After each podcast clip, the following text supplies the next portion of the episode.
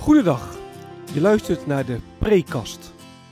Een podcast over de preek die ik afgelopen zondag gehouden heb in de Maranatenkerk in Bunschoten, Spakenburg. Fijn dat je luistert. Mijn naam is Gertjan van Harten. Wat kun je verwachten van deze podcast? De Preekast bestaat uit vier onderdelen. Ik begin met een korte introductie van de tekst waarover ik gepreekt heb. Vervolgens geef ik een korte samenvatting van de preek zelf. En met korte samenvatting bedoel ik ook echt kort. Tijdens mijn opleiding heb ik geleerd dat preken schrappen is. Niet alles wat je in de voorbereiding gevonden en bedacht hebt, kan terugkomen in de preek. Wat heb ik laten liggen wat het overdenken wellicht waard is? Daar wil ik het over hebben in het derde deel van de preekkast. En tenslotte sluit de preekkast af met een aantal verwerkingsvragen. Vragen die je kunnen helpen om de preek te overdenken en of toe te passen. Ik wens je veel luisterplezier.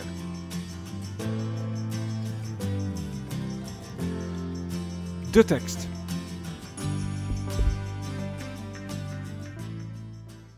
Het was de tweede Adventszondag en de preek ging over 1 Korinthe 16, vers 22 tot en met 24.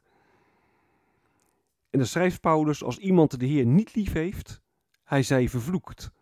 Maranatha. De genade van de Heer Jezus zijn met u. Mijn liefde gaat uit naar u allen met wie ik één ben in Christus Jezus. De preek.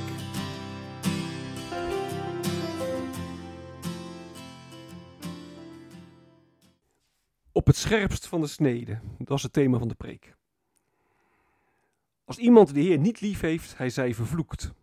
Zo begint de tekst. Waarschuwt Paulus hier dan iedereen die niet in, in Jezus gelooft? Nee. Deze woorden zijn geschreven aan de gemeente van Korinthe en in die gemeente waren relatief veel zogenaamde heidenchristenen. En dat waren christenen die een niet-Joodse achtergrond hadden. En deze zogenaamde heidenchristenen waren diepgaand beïnvloed door het Griekse denken. En het Griekse denken dat maakte een onderscheid tussen lichaam en geest. En daarbij werd het lichamelijke, het, het, aardse, ja, van veel minder belang geacht dan het geestelijke. En dat uitte zich op uh, ja, verschillende manieren. Je kunt dat in de rest van de brief lezen. Dat uitte zich bijvoorbeeld op het gebied van, uh, van seksualiteit. Hè. Er waren er gemeenteleden die zeiden: Nou, het gaat om de geest, het gaat om de ziel. Het lichamelijk is niet belangrijk. Dus op seksueel gebied kun je doen en laten ja, wat je wil. En Paulus die schrijft dan: uh, Nou, er gebeuren op seksueel gebied bij jullie dingen waar zelfs de heidenen zich voor schamen. Ja, 1 Korinthe 5, vers 1. Er waren ook mensen die zeiden, nou, het lichamelijk is niet belangrijk. Het lichamelijke moet, moet afsterven en daarom moet je juist onthouden van seks. Hè? Ook als je getrouwd bent. Je moet geen seks hebben, want dat is slecht. Het lichamelijk is slecht. Je moet heel erg aan uh, doen op allerlei gebied. Maar beide dus echt vanuit het idee, het gaat om het geestelijke leven. En het aardse leven, dat is gewoon veel minder belangrijk. Nou, er waren ook gemeenteleden die voelden zich veel geestelijker dan, dan andere gemeenteleden. Ze zeiden, wij hebben wijsheid. Nou, dat is ook al zo'n begrip uit het Griekse denken. Wij hebben wijsheid. En wij hebben echt contact eh, met God. Wij zijn vol van God. Wij hebben deel aan God. En ja, die mensen die, die beschouwen zich eigenlijk als een soort geestelijke elite. Want zij waren bezig met bijbellezen, met bidden. Zij waren op God gericht. Zij hadden de gaven van de geest. Ja, 1 Korinthe 12 gaat erover. En Paulus zegt ook in zijn brief van... Beste mensen, verhef je alsjeblieft niet boven andere mensen. In de gemeente heb je iedereen nodig. En met andere woorden, verbeeld je maar niks. En dan komt dan bekende hoofdstuk 13, 1 Korinthe 13, waar het over de liefde gaat. Dat Paulus zegt, je kunt kennis hebben. Nou, dat, dat is prima. Maar als je geen liefde hebt, dan heb je niks in die kennis. Je kunt een ontzettend groot geloof hebben. Je kunt bergen verzetten. Maar als je geen liefde hebt, dan baat het je niks. Dan is het waardeloos. Liefde is het belangrijkst. En in dat kader zegt Paulus dus: uh, als iemand de Heer niet lief, niet, niet, als iemand de Heer niet lief heeft, hij zei vervloekt. Hey, je kunt het allemaal mooi vertellen, maar als je geen liefde hebt, dan uh, lig je onder de vloek van God. En dan staat eigenlijk, dan moet je in de ban gedaan worden. Dan word je uitgeslo uitgesloten van de gemeenschap met Christus. Dus dat is niet maar een algemene waarschuwing voor ongelovige mensen. is ook geen, geen mooie tekst om een keer een lekkere donderpreek te houden. Nee, het is gericht aan christenen die het allemaal zo goed wisten. En die echt meenden dat ze vol waren van de geest. Maar ondertussen de liefde van de Heer misten. En daarom worden zij door, door Paulus hier wakker geschud. Denk erom. Je kunt mooi praten. Je kunt denken dat je dicht bij de Heer leeft. Maar als je geen liefde van de Heer, voor de Heer hebt. En die liefde die uitzicht in liefde voor de ander. Dan ben je vervloekt. Maranatha, voegt Paulus er aan toe. Maranatha, dat betekent onze Heer is gekomen. Of onze Heer kom. In het eerste geval, onze Heer is gekomen, dan gaat het over iets dat gebeurd is. Als je zegt onze Heer kom, dan gaat het over iets dat, dat is een bede, wat nog in de toekomst moet gebeuren. En dan bid je als het ware, Jezus komt snel terug om die vervloeking ook uit te voeren. We geloven dat Jezus komt om te oordelen de levenden en de doden. Maar Maranatha kan dus ook betekenen, onze Heer is gekomen. En dan denken we aan de geboorte van Jezus Christus. En Jezus het mens om te sterven aan het kruis. Om op die manier ja, ons van de, van de vervloeking juist te bevrijden. Ja, het kruis stond ook echt centraal in de prediking van Paulus. In 1 Korinthe 2 zegt hij dat ook. Ik heb besloten om niets anders te verkondigen dan, dan Christus Jezus, de gekruisigde. En daar draait het allemaal om in het geloof. Om, om de gekruisigde Christus, om het kruis op Golgotha. Het gaat dus niet om wat wij op geestelijk gebied allemaal ervaren. Of waar wij uh, enthousiast over kunnen spreken. Nee, Paulus laat juist zien dat dat in Korinthe alleen maar tot hoog moet leiden. Het gaat echt alleen maar om het werk van Jezus Christus, om wat hij gedaan heeft. Sterven aan het kruis op Golgotha. Nou, het kruis laat ook zien dat we allemaal van genade afhankelijk zijn. Echt allemaal. Hè? Mensen die heel enthousiast kunnen praten over hun geloof. Maar ook mensen die daar minder duidelijk woord aan kunnen geven. We staan allemaal met lege handen voor God. Ja, lege handen die God moet vullen. Nou, hoe meer je dat beseft, dat God je hand moet vullen, hoe meer je elkaar ook gaat liefhebben. En dat gaat niet vanzelf. ons hart is hard. En dan moet in die zin ook steeds weer bekeerd worden. Maar goed, dan mag wel vertrouwen dat God ook wil doen. Dat hij zijn geest er ook vergeven wil. Want Jezus is gekomen om onze schuld te verzoenen. En om ons door zijn geest ook ja, aan hem te verbinden. En Jezus komt ook om alles nieuw te maken. Zodat we straks in de volmaakte liefde voor God elkaar kunnen leven. En aan het avondmaal mag je daar iets van proeven. afgelopen zondag tijdens de dienst hebben we ook het, ja, het avondmaal gevierd. En dan krijg je als het ware een voorproefje van wat komen gaat. Nou, het thema van de preek was op het scherpst van de snede. Tussen vloek en zegen staat het kruis. Het kruis dat echt samenbindt. Wat is blijven liggen?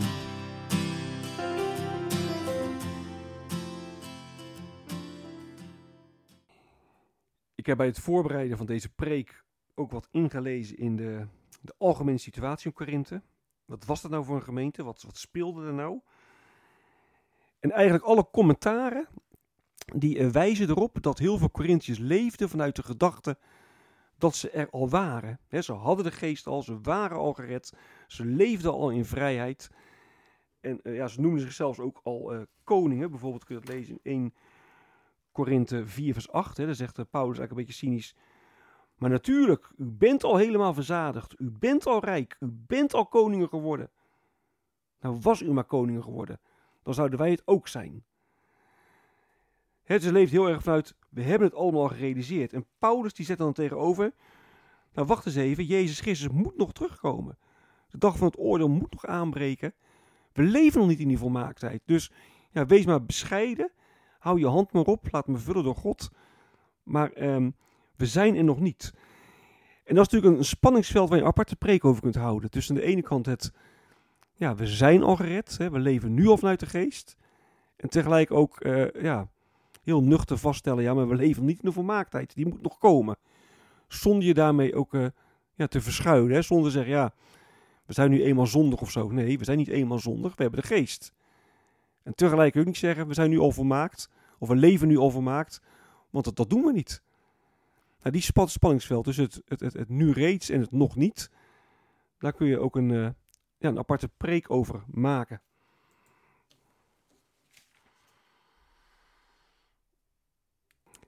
Het tweede wat ik wil noemen, dat is vers 23, waar Paulus zegt, de genade van de Heer Jezus zij met u.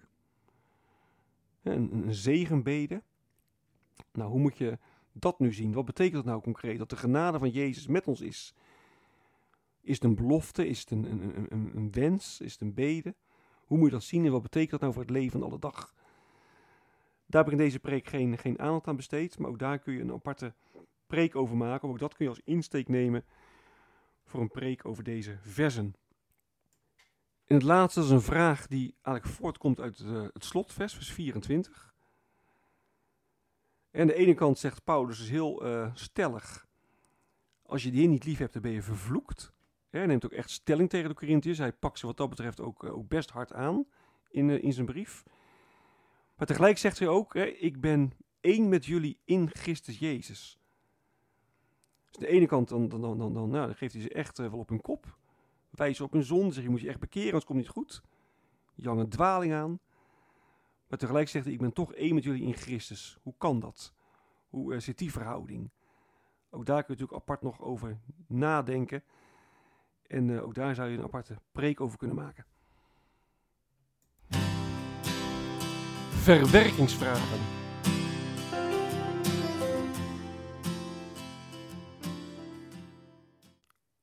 Zoals uh, gebruikelijk heb ik ook bij deze preek weer een preekblad gemaakt. Kun je downloaden. Moet je even googlen op uh, Gertjan van Harten. En dan Gertjan gewoon aan elkaar. Preekblad. Dan kom je op mijn site en dan kun je die preekbladen downloaden. En op ieder preekblad heb ik ook een aantal vragen opgenomen. En de eerste vraag die ik uh, dit keer stel is: Hoe kijk je aan tegen het onderscheid geestelijk en aards? Ik heb in de preek verteld dat veel gemeenteleden in Korinthe nog beïnvloed waren door het Griekse denken, dat een onderscheid maakte tussen, tussen geestelijk en, en, en aards, tussen geestelijk en lichamelijk. Waarbij ook gedacht werd dat geestelijk dat is het ware, dat is het echte, en het aardse is van minder belang. Hoe kijk jij nou, hoe kijk jij aan tegen het onderscheid en wat betekent dat voor de manier waarop je je geloof beleeft? En ik stel die vraag ook een beetje vanuit de achtergrond, dat ik ook wel eens het idee dat ook in de kerk toch wel het idee kan leven. Het gaat om het geestelijke. Het gaat om, om, om, om, om mijn band met God. En die andere dingen, die aardse dingen, ja, dat is gewoon veel minder belangrijk. Nou, hoe kijk jij daar tegenaan? Als iemand de Heer niet lief heeft, hij zij vervloekt, staat er in de tekst. Ik heb in de preek uitgelegd dat Paulus zegt: Je kunt wel uh, denken dat je vol bent van de geest. Je kunt wel denken dat je heel spiritueel bent en dat je dicht bij de Heer bent. Maar als jij je gemeenteleden, je, je broeder en zus niet, niet lief hebt, ja, dan ben je eigenlijk helemaal niet uh, verbonden aan God. Dan hou je jezelf voor de gek, dan, ja, dan ben je zelf vervloekt. Het gaat er echt om dat je elkaar in de gemeente lief hebt. Echt lief hebt. Ja, en dan is de vraag natuurlijk, heb jij andere gemeenteleden echt lief? En hoe uitzicht dat? De derde vraag. Het is advent. En we kijken uit naar de, de komst van Jezus Christus, naar de wederkomst. Nou, in hoeverre kijk je daar echt vol verwachting uit? De laatste vraag is: in, hoever, in, in hoeverre ervaar je het één zijn in Christus als je met elkaar avondmaal viert? Je hebt de dag dat deze preek hield, vierden we het avondmaal. Paulus zegt: Ik ben één met jullie in Christus Jezus.